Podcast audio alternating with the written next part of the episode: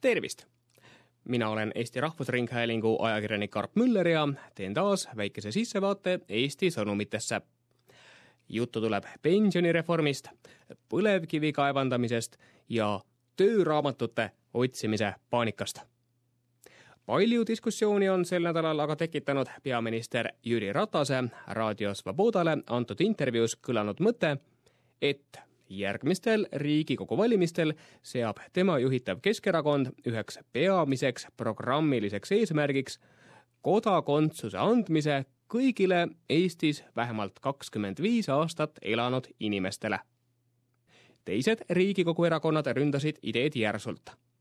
Keskerakonna koalitsioonipartneri Isamaa ja Res Publica Liidu esindaja Priit Sibul ütles, et IRL ei toeta kodakondsuse nullvarianti mitte mingil juhul ning on üllatav, et sellega tuli välja peaminister ja et ta seda praegu tegi.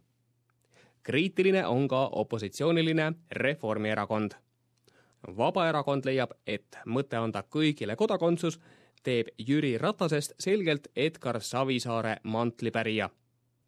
Vabaerakonna fraktsiooni liige Külliki Kübarsepp ütles Rahvusringhäälingule see on selgelt oma venekeelse valijaskonna kinnistamise eesmärk sest tõenäosus oli, et kuna Edgar Savisaar on tagasi astunud või teda ei ole igapäevapoliitikas, siis Yana Toom ei suuda kõiki venemeelseid valijaid Keskerakonna rüppes hoida.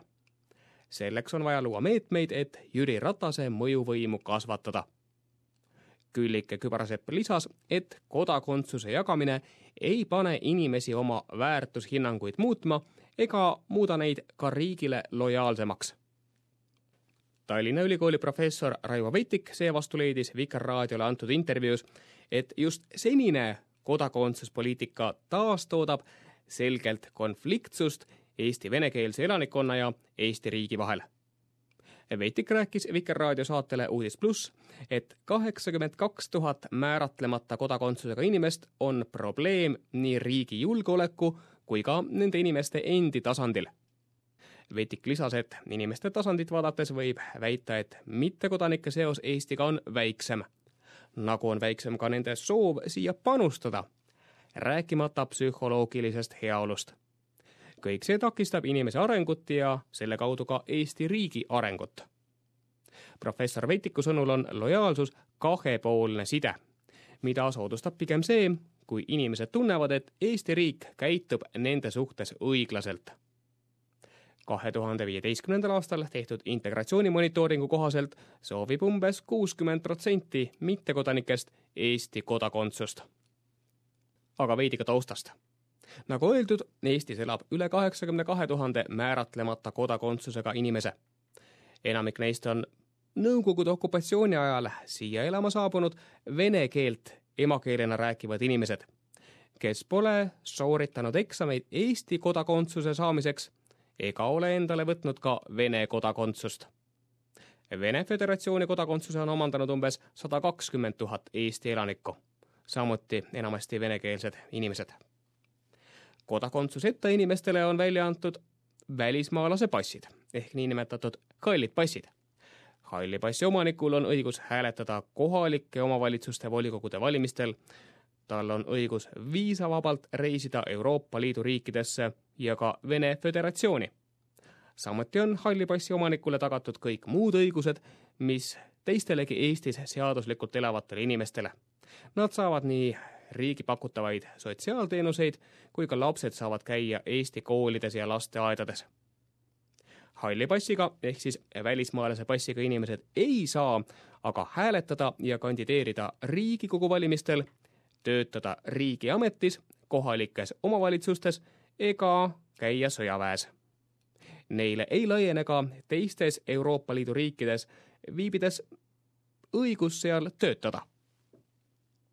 võib arvata, et vene emakeelega pikka aega Eestis elanud mittekodanikele eksamiteta kodakondsuse andmine kujuneb oluliseks teemaks juba käesoleval sügisel toimuvate kohalike valimiste eel hoolimata sellest, et otsuseid ses valdkonnas on teoreetiliselt võimalik teha alles Keskerakonnale soodsate Riigikogu valimiste tulemuste korral aastal kaks tuhat kaheksateist. nädalavahetusel puhkes Eestis iselaadi paanika, mida naljahambad on nimetanud mänguks Eesti otsib tööraamatut. nimelt kutsus Sotsiaalkindlustusamet üles inimesi, kes ei saa veel pensioni, aga kes on Eestis töötanud ka enne tuhande üheksasaja üheksakümne üheksandat aastat, tooma oma tööraamatud Sotsiaalkindlustusametisse. meenutuseks noorematele, tööraamat oli selline dokument, kuhu siis tööandja pani kirja selle, kui üks inimene läks asutusse tööle ja ka selle, kui inimene asutusest töölt lahkus. tööandjatel ei ole enam aastaid olnud tööraamatu pidamise kohustust, mis on paljusid inimesi pannud arvama, et tööraamatut pole enam kunagi vaja. tööraamatud on jäänud kaduma kas töökoha vahetuse või siis kodu kolimise käigus, mõni on selle lihtsalt minema visanud nüüd aga tuletas riik meelde, et pensionile minnes pensioni suuruse määramisel on enne tuhande üheksasaja üheksakümne üheksandat aastat töötatud aastate arvesse võtmiseks tööraamatut siiski vaja. Sest varasemaid andmeid lihtsalt ei ole elektroonilistes registrites. paljud inimesed on paanikas. poliitikud nendivad nüüd tagantjärele targana, et aastal kaks tuhat üheksa, kui tööraamatu pidamise kohustus seadusega kaotati, pidanuks panema tööandjatele kohustuse need dokumendid otse Sotsiaalkindlustusametisse saata.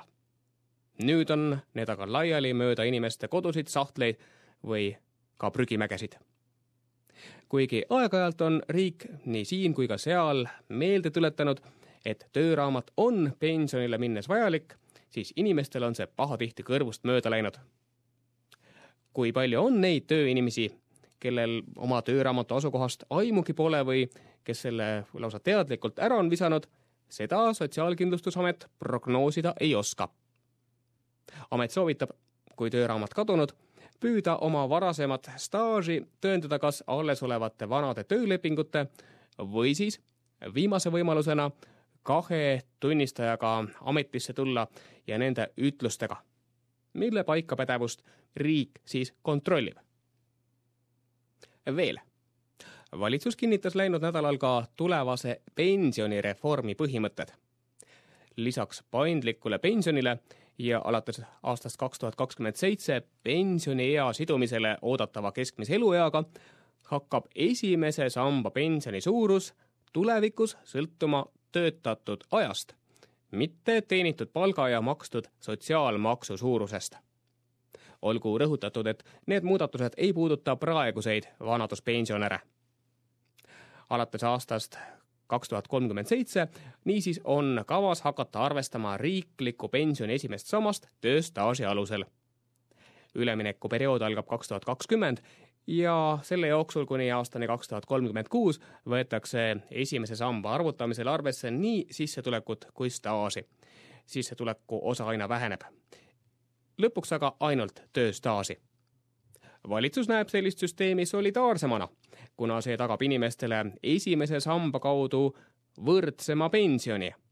praeguse süsteemi jätkudes hakkaksid paljud praegused madalapalgalised, kas või meditsiiniõed, pensioniikka jõudes saama nõnda väikest pensioni, et peaksid elama allpool vaesuspiiri ja riik peaks neile ikkagi hakkama maksma toimetulekutoetuseid prognoosi kohaselt oleks kõige väiksemate ja suuremate pensionite vahe lausa neljakordne. pensioni seos palgaga ikkagi säilib, küll aga teise pensionisamba kaudu.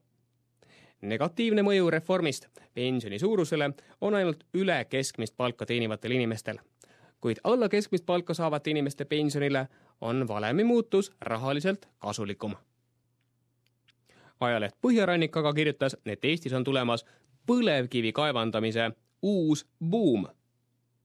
nii Eesti Energia kui ka eraomanduses Viru Keemia Grupp kavatsevad sel aastal märksa rohkem põlevkivi maa seest välja tuua kui mullu ja pikendavad selleks ka töönädalat ja võtavad juurde uusi töötajaid VKG vajab varasemast rohkem põlevkivi, sest nüüd on töös kõik kolm uut Petroteri õlivabrikut ning ka aasta tagasi madalate õlihindade tõttu seisma pandud vanad Kiviteri tüüpi õlivabrikud. samamoodi on tõusnud energia ja õlihindade tõttu tootmist kasvatanud riigiettevõte Eesti Energia. käisin ka ise saadet salvestamas Eesti Energiale kuuluvas Estonia põlevkivikaevanduses Ida-Virumaal, kus ajakirjanikele esitleti uut efektiivsemat kamberlaava kaevandamise tehnoloogiat. Estonia näol on tegemist hiigelmõõtmetega maa-aluse pimedusse mattunud rõske koobaste labürindiga, mille maa-alune kogupindala kümme korda kaksteist kilomeetrit on ligilähedane Tallinna linna pindalale. kujutage ette, Tallinna suurune koobastik Eestimaa all. siin-seal niriseb seal madalast kahe koma kaheksa meetri kõrgusest laest pähe vett. Õhutemperatuur on aastaringselt umbes kaheksa kraadi. ja valgust on näha heiklemas vaid nendes sektorites, kus käivad kas ettevalmistused kaevandamiseks või siis seal, kus kopad ammutavad kivi ja laevad seda konveieritele. muide, uus valminud pikim konveier on lausa seitsme kilomeetri pikkune. kivi murdvate suurte kaevandusmasinate prožektorid on eredad. üksikud kaevurid oma kiivritele kinnitatud pealampidega jäävad peaaegu täiesti märkamatuks. ja tegelikult neid ongi vähe ka statistika näitab, et inimtööjõu osakaal kaevandustes aina väheneb. masinad muutuvad aina efektiivsemaks. aina väiksem hulk töötajaid suudab aasta-aastalt anda rohkem toodangut.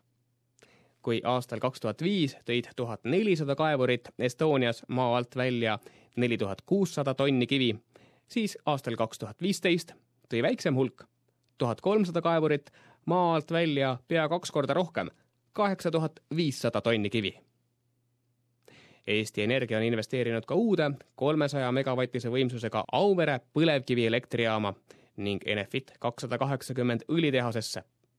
Need mõlemad on praegu seadistamise faasis, aga annavad siiski olulisel määral ka toodangut. Rohelise ilmavaatega ning taastuvenergiapööret soovivad inimesed neid arenguid muidugi hea pilguga ei vaata.